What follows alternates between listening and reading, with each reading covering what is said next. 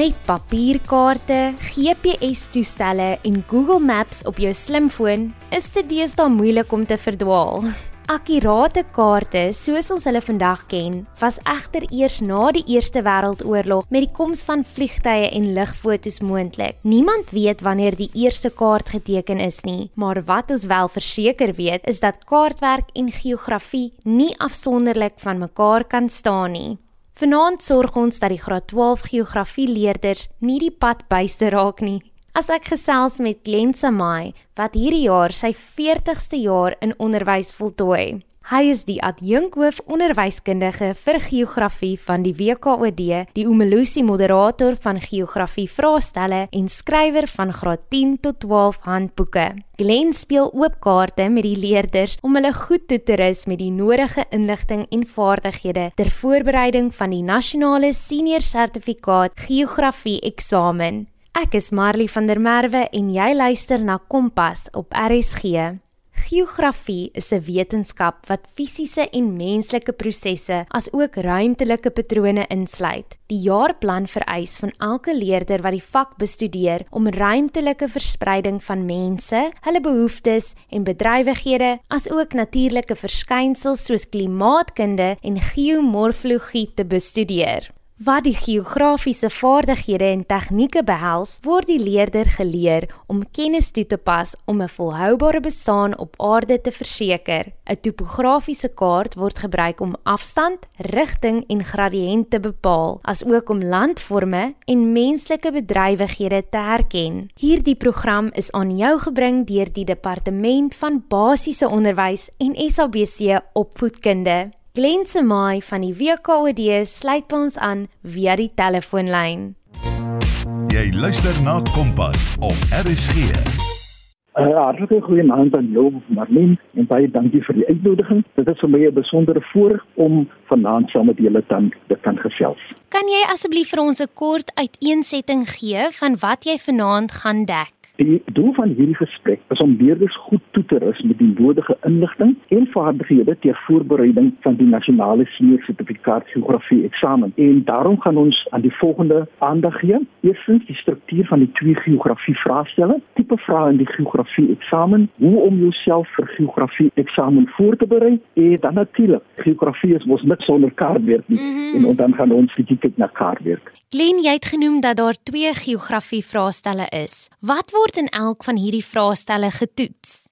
Ons het vir die jaar met 'n hele nuwe struktuur van geografie eksamen begin. Nou, julle groep matrieks, julle is slegs die tweede groep dus wat hierdie nuwe struktuur en die eksamen gaan afneem. So, dit is belangrik dat jy moet kyk na vir die jaar se eindeksamen vraestel en die Junie van hierdie vraestelle. Dit is die enigste twee vraestelle wat ons nou in hierdie nuwe struktuur is. So jy moet ten minste hierdie twee vraestelle deurwerk. So kom ons kyk net hoe vinnig na die struktuur. Soos reeds genoem, bestaan die geografie eksamen uit twee vraestelle. Vraestel 1 wat fisiese geografie is en vraestel 2 wat menslike geografie is. Nou die kaartwerk word in beide van hierdie vraestelle geïntegreer. Nou kom ons kyk net gou vinnig na die twee vraestelle. Nou ek moet vir julle sê dat hierdie twee vraestelle lyk presies dieselfde wat die struktuur betref. Dit is net die inhoud wat verander. So kom ons kyk na vraestel 1, fisiese geografie, 150 punte. Dit is 3 ure lank. Nou elke vraestel bestaan uit 3 vrae. Nou jou eerste twee vrae sal die inhoud wees en die derde vraag gaan oor die kartografie. Vraag 1 onhou fisies het te doen met twee komponente, klimaat en weer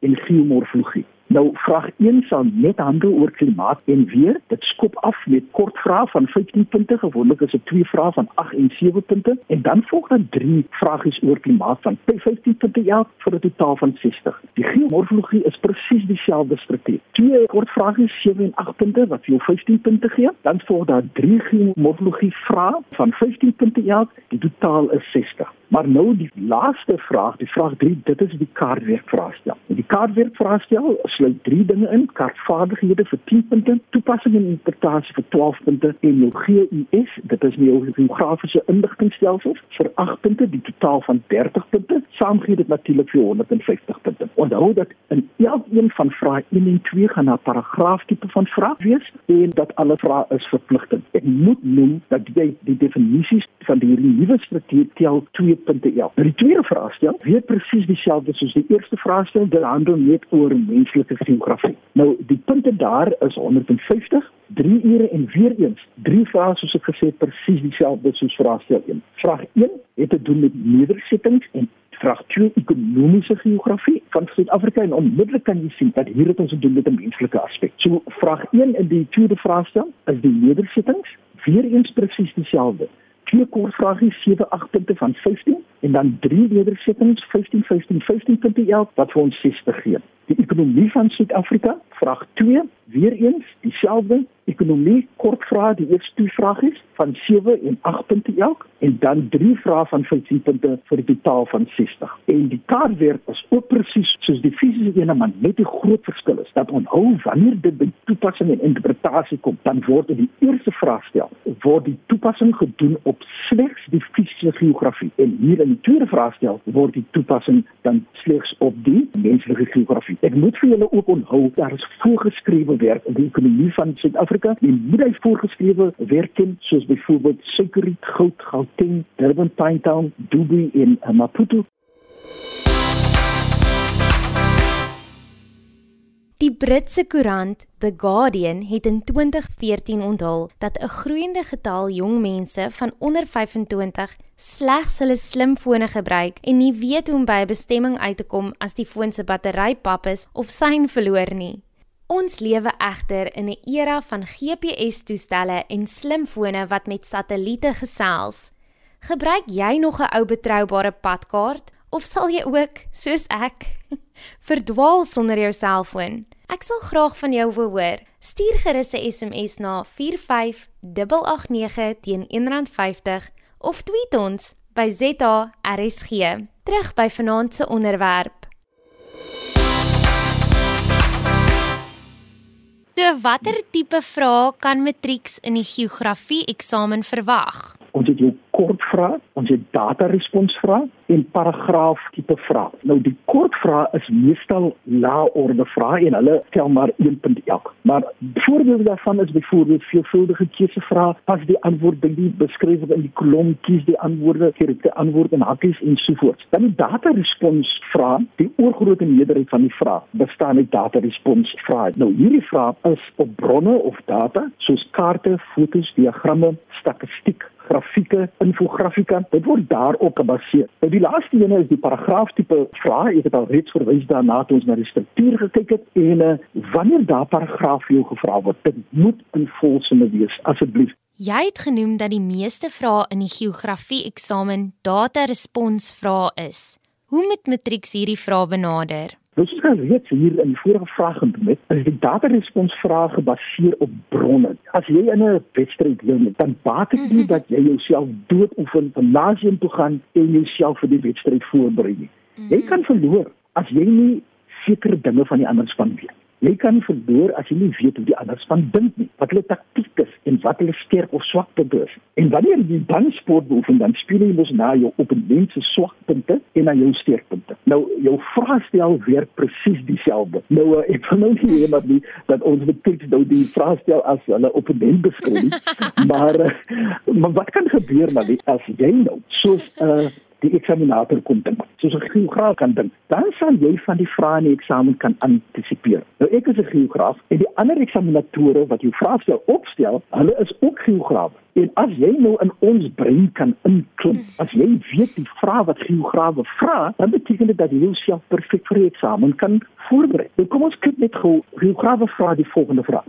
Wat is dit? Waar is dit? Waarom is dit daar? Hoe lyk dit? Wat het gebeur en waarom het dit gebeur? wat is die impak en hoe kan dit bestuur word. Nou, matriek, ek weet nie of jy besef dat die meeste vrae wat in die geografie eksamen gestel word, hierdie vrae is al wat die eksaminator doen is om ander woorde te gebruik om presies die vrae te vra wat geograwe vra. Nou as jy nie glo nie, kom ek bewys vir jou deur 'n vraag uit 'n ou vraestel uit te deel. Nou stroomroof weet jy is wanneer een rivier mos nou die water van 'n ander rivier uh, roof. Maar nee, ek weet nie of jy weet die dat riviere kan ook water van mekaar steel.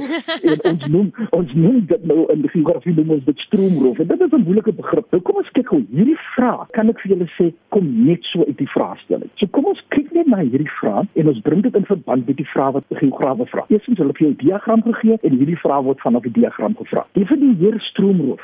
Wat is dit? Nou skryf die erosie wat met die proses van die stroomroof in skets A geassosieer word. Weer, wat is dit? Identifiseer die verskynsels L en M wat as gevolg van stroomroof ontstaan. Jy moet goed identifiseer. Met ander woorde, weer wat is dit? Mm -hmm. Kom ons kyk gou 'n ander vraag. Is die terme rowerstroom en verarmde stroom by die strome J en K op diagram B? So met ander woorde, jy moet weet waar dit is. Waar is dit? Waar is die rowerstroom en waar is die verarmde stroom? Volgende vraag: Wat is 'n waterskeiding? Wat is dit? Waar is dit? Jy moet weet waar die waterskeiding is. En kom ons kyk verder. En nou kyk net wat gebeur. Die vraag word al moeiliker hoe verder ons gaan. Mm. En nou beweeg ons nou al nou na middelorde en hoëorde vrae. Vraag 6 was: Hoe kan jy die stroomroofproses veroorsaak dat die waterskeiding sy posisie verander? Met ander woorde, wat het gebeur? En as ons nou die volgende vraag kyk, watter uitwerking sal stroomwerk op die volume water in stroom K hê? Weer, wat is die impak? En die agste vraag en die laaste vraag wat gevra was, wat kan die plaaslike boerderygemeenskap rondom jy doen om met hulle daglikse aktiwiteite voort te gaan nadat stroomdoof plaasgevind het? Met ander woorde, hoe kan dit bestuur word? As jy mooi gekyk het na hierdie storie dan kan hierdie hele vraag. Dit is eintlik 'n klassieke geografie vraag wat geheel en al op die vraag wat geografie gebaseer is. Watter tipes data en of bronne word gebruik om data responsvrae op te stel en hoe moet hierdie verskillende bronne in die eksamens benader word. Gebruik 5 minute om die data om dit deeglik te bestudeer voordat die vraag ingepak word, né? Nee, Moenie net in die vraag dink nie. Maar die belangrike ding is dat elke tipe van data word verskillende benadering. Dit is wat die uitdaging van geografie is, né? Jy kan nie 'n kaart benader soos wat jy 'n spotprint benader. Kom ons kyk net gou. Die eerste ene is 'n kaart. Nou 'n kaart is jou basis mos nou van geografie. Sonder kaarte dan die dan mos nou nie die fak nie. Jy verstaan dit. Mm. So, die eerste ding is wanneer jy kyk, kyk na alles in die sleutel, vra jouself waar is dit wat in die sleutel is? Waar is dit? Hoekom is dit daar? En dan kyk op die kaart waar dit gelees. Dis nou voordat jy die vraag beantwoord, né? As jy 'n diagram kry, kyk na die opskrif. Waaroor gaan die diagram? Kyk na al die byskrifte en probeer jou feite in die konteks van die byskrifte van die diagram plaas. Die gevalle studies en die artikels, dit is die derde bron wat jy kan kry. Belangrik hier, asseblief matriek, dit is nie 'n begriptoets nie. Wat ons baie kry wat matriek doen is wanneer daar gevra word dan haal jy hulle aan uit die af uit die begrippies. Mm. Moenie aanhaal nie behalwe as daar vir jou gesê word. Haal aan wat ook al om te bewys dat so en so is. Maar jou lae orde vraag, dit sal jy nie die leeste kry. Dit is net 'n maklike een punt vragies, nee. Maar jou ander vraag, die middel en die hoër van dit moet jy jou werk in en dit kan toepas op die uh, gevalle studie of jou artikel. Grafieke en statistiek Natuurlik jy moet weet wat 'n soort grafiek is dit. Is dit 'n lyn, 'n kolom, 'n sirkel? Hoe die tendens opwaarts of afwaarts? Kan ek dit aflees? En dit is baie belangrik as jy grafiek gee of statistiek. Hoeveel wat was die goedproduksie byvoorbeeld vir 2019? Jy moet dit kan aflees uit die statistiek of vanaf vanaf die grafiek af, nee. En dan moet jy dit kan toepas op die inhoud. Dan ook spotprente. Nou die gevaar van spotprente is dat die ons het so paar jaar gelede het ons uh, twee honderd dae gehad wat super goed voorgestel het. en van die van die leerders het meer oor honderd geskryf as die simbolisme wat deur die honderd verteenwoordig word, né? Nee. So as jy met 'n spotprent besig is in matriek, probeer agter die kap van die Bybel mm. kyk waaroor die ding gaan. Kyk na die simbolisme, dan die infografika. Nou, wat is 'n infografika? Dit is 'n versameling van beelde, grafieke of statistiek in 'n kort teks wat die oorsig op een bepaalde onderwerp gee. Net een onderwerp klomp verskillende goedjies. Jy kan byvoorbeeld teks skryf wat oor 'n gedeelte van die werk gaan. Dan kry jy grafiek wat oor dieselfde die gedeelte van die werk gaan en 'n foto en so voort, né? Nee, maar nou wat belangrik is, omdat hierdie bronne oor dieselfde ding gaan, moet jy soek vir die skakels tussen die ding. En 'n goeie ding is om eers die geskrewe teks te lees. Matriek, jy kan nie 'n infografiek aanpak voordat jy ten minste 5 minute daarby stil gestaan het en kyk het mm. waar pas al hierdie verskillende bronne van inligting bymekaar in.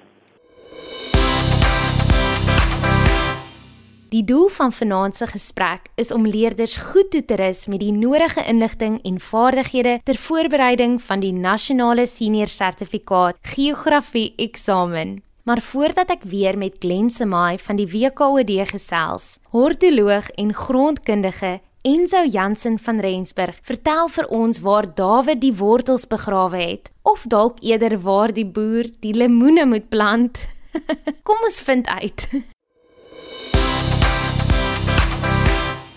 Enzo, vertel ons asseblief 'n bietjie meer van jouself. My naam is Enzo Jansen van Rensburg en ek is oorspronklik van Belwel in die Wes-Kaap. Na skool het ek BSc Agriek, Hortologie en Grondkunde gaan studeer aan die Universiteit van Stellenbosch. Seker die lekkerste 4 jare van my lewe. Tans is ek woonagtig saam my vrou in die lieflike kusdorpie in die Oos-Kaap wat ons nou huis noem in Jeffreys Bay. Ek sal seker nou moet begin leer surf aangesien ek nou in een van die wêreld se bekendste surfbestemmings bly. Ek werk tans al vir amper 6 jaar vir 'n presisie landboumaatskappy Agri Technovation as senior hortoloog en grondkundige in die Oos-Kaap. Ek fokus veral op sitrusproduksie in die Addo Kirkwood in die Sonnigse Vuur area as ook in Patensie, die Gamtoosvallei. En sou wat presies doen 'n grondkundige en hortoloog? Ek is seker vir meeste van die luisteraars is die term hortoloog erg vreemd. Dit was vir my net so vreemde woord gewees. Wat tog te praat van 'n vreemde beroep?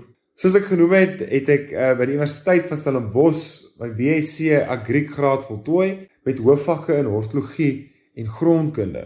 So, hortologie is basies jou studie van meerjarige gewasse byvoorbeeld sitrusbome soos jou narkies, lemoene en suurlemoene, kernvrugte soos appels en pere, steenvrugte soos perskes en appelkose, en selfs tafeldruiwe en bloubessies en piesangs en ook neute soos makadamias en pekanneute. Asook snyblomme soos rose, fynbos, proteas, ag, daar's 'n hele klomp. 'n Grondkundige is weer basies die studie van gronde vir landboudoeleindes is hierdie grond of area geskik vir die aanplant van meerjarige gewasse. So wat presies doen ons hortoloë en grondkundiges elke dag? So boere nooi ons basies uit om hulle te kom sien om hulle te help om die beste moontlike oeste van hulle bome af te haal. As hortoloë kyk ons na blaarmonsteranalise wat ons van die laboratorium af terugontvang. Ons identifiseer dan wat 'n tekort in die plant het, byvoorbeeld is daar 'n stikstof of fosfaat, kalium of 'n mikroelement tekort, soos mangaan, sink of yster. Dan maak ons vir die boere aanbeveling op watter tipe kunsmis gegee kan word of selfs watter blaarvoeding hulle kan spuit om hierdie tekorte aan te spreek. Ons beweeg ook dan gereeld deur die boorde om na die blom en vrugset of selfs vruggrootte te kyk en beveel dan aan watter manipulasies gedoen kan word vir 'n goeie vrugset met mooi groot vrugte, net soos die mark of die verbruiker dit wil hê. Dan as grondkundiges grawe ons op 'n spesifieke grid met 'n GPS-toestel profielgate. Ons sal dan in hierdie gate inklim en na al die fisiese kenmerke van die grond kyk om te bepaal is hierdie gronde geskik vir die aanplant van sitrus of dalk dalk eerder neute of avokado's. Om hierdie besluit te maak, grawe ons basies elke 50 meter 'n gat. Ons klim dan in hierdie profielgate En ons merk ook hierdie gate met 'n GPS toestel met daardie gat se inligting oor watter tipe grond dit is, die diepte, die klei persentasies of is daar dalk enige keerlaag waarvan ons moet weet en ook hoe die boer dalk dreinering insit. Ons sit dan al hierdie inligting op 'n kaart vir die boer en saam met hierdie klimaatinligting van daai area beplan ons dan watter tipe gewas geskik sal wees om daar te plant. En dan begin ons met die hele voorbereidingsproses. En sou as een van ons luisteraars in jou voetspore wil volg en ook 'n grondkundige en hortoloog wil word, wat is die stappe wat hulle moet neem? Ja, as 'n van die luisteraars is of matrieks wat belangstel in hierdie beroep, sal ek dit sterk aanbeveel. Daar is 'n groot tekort aan aan hortoloë en grondkundiges, nie net in Suid-Afrika nie, maar wêreldwyd. So om te gaan studeer, moet jy 'n BSc doen. So jy moet 'n BSc graad gaan studeer aan die universiteit en dit is dan 'n basies wetenskaplike rigting. So jy doen wiskunde, chemie, fisika, biologie, plantpatologie, biochemie, plantfisiologie, al daai tipe vakke. Jy moet wiskunde vat op skool, gewone wiskunde en dan ook skynat. So skynat in wiskunde is 'n voorvereiste om te kan BSc studeer aan 'n universiteit en dan sal ek voorstel om BSc Agriek of Agri te gaan studeer en dan in te skryf vir hoofvakke in hortologie en grondkunde. Enzo, het jy enige finale woorde wat jy graag met ons luisteraars sal wil deel? So, ek wil julle almal sterkte toewens werk deur daai ou vraestelle, dit werk regtig. As jy enige vrae het, gaan terug na jou onderwyser toe, gaan hoor by hom of haar wat kan jy doen as jy dit nie verstaan nie en dan kan jy nie anderste as om net goed te doen in die eindeksamen nie. So alle sterkte. Dit was dan Enzo Jansen van Rensburg, senior hortoloog en grondkundige by Agri Technovation. Ek is baie opgewonde om te hoor wat Ardien is en hoe dit by geografie aansluit, maar Glen se my gesels eers oor die kaartwerk vra voordat hy vir ons vertel. Kom ons beweeg nou na die kaartwerk vraag. Vraag 3 in beide vraestelle. Hoe is hierdie afdeling gestruktureer? Eerstens berekeninge en kaarttegnieke vir 10 punte, kaarttoepassing en interpretasie vir 12 punte en dan natuurlik jou geografie inligtingstelsels vir 8 punte. Nou dit is in elkeen van die twee vraestelle. So onthou dat jy van 'n topografiese kaart en 'n ortofoto kaart voorsien gaan word. Albei is A4 grootte en word langs mekaar op 'n A3 blad gedruk. Baie dankie Glense. Watter berekeninge en kaarttegnieke moet matrieks kan doen? Berekeninge soos afstand soos gradiënt, area, vertikale vergroting, magnetiese peiling, mm -hmm. magnetiese deklinasie, sorg dat jy elkeen van hierdie berekeninge kan doen. Jy sal moet gaan oefen, oefen, oefen die hele tyd. Daar is nog genoeg tyd dat jy dit onder die knie kan kry. Jy moet die volgende tegnieke moet jy kan pas raak. Rigting en peiling, jy eersins onthou rigting is iets wat jy al hier in graad R van gehoor het. Toe die juffrou vir jou geleer wat is voor, agter, links en regs. So verder in skool gaan word dit noord, suid, oos en wes en hierdie tegnieke, dit kom al van laerskool af. So jy het al genoeg baie oefening hier ingekry. So dis rigting en peiling. Jy moet weet hoe hoogte op kaarte voorgestel word. Jy moet jou kaartverwysing, jy moet weet hoe dit werk. Byvoorbeeld 3318 dB parallel. Ruitverwysing moet moet jy ken nou. Jy moet deursnede kan teken. Jy moet weet waarom vloei 'n rivier in 'n sekere rigting en intersigbaarheid. Onthou die belangrike en die groot probleem van al hierdie goed wat gaan oor berekeninge en tegnieke is dat jy kan slegs suksesvol met hierdie goed wees wanneer jy dit gereeld oefen. Klein, ek let op dat kaarttoepassing en kaartinterpretasie die grootste hoeveelheid punte tel. Hoe kan dit met sukses beantwoord word? En nou gaan ons 'n uh, baie interessante metode vir jou noem, matrieks. Ek noem dit platweg die R-duim metode. R-duim, byvoorbeeld R relief, dit is die bruin gedeelte op die kaart. D dreinering, dit is die blou gedeelte op die kaart.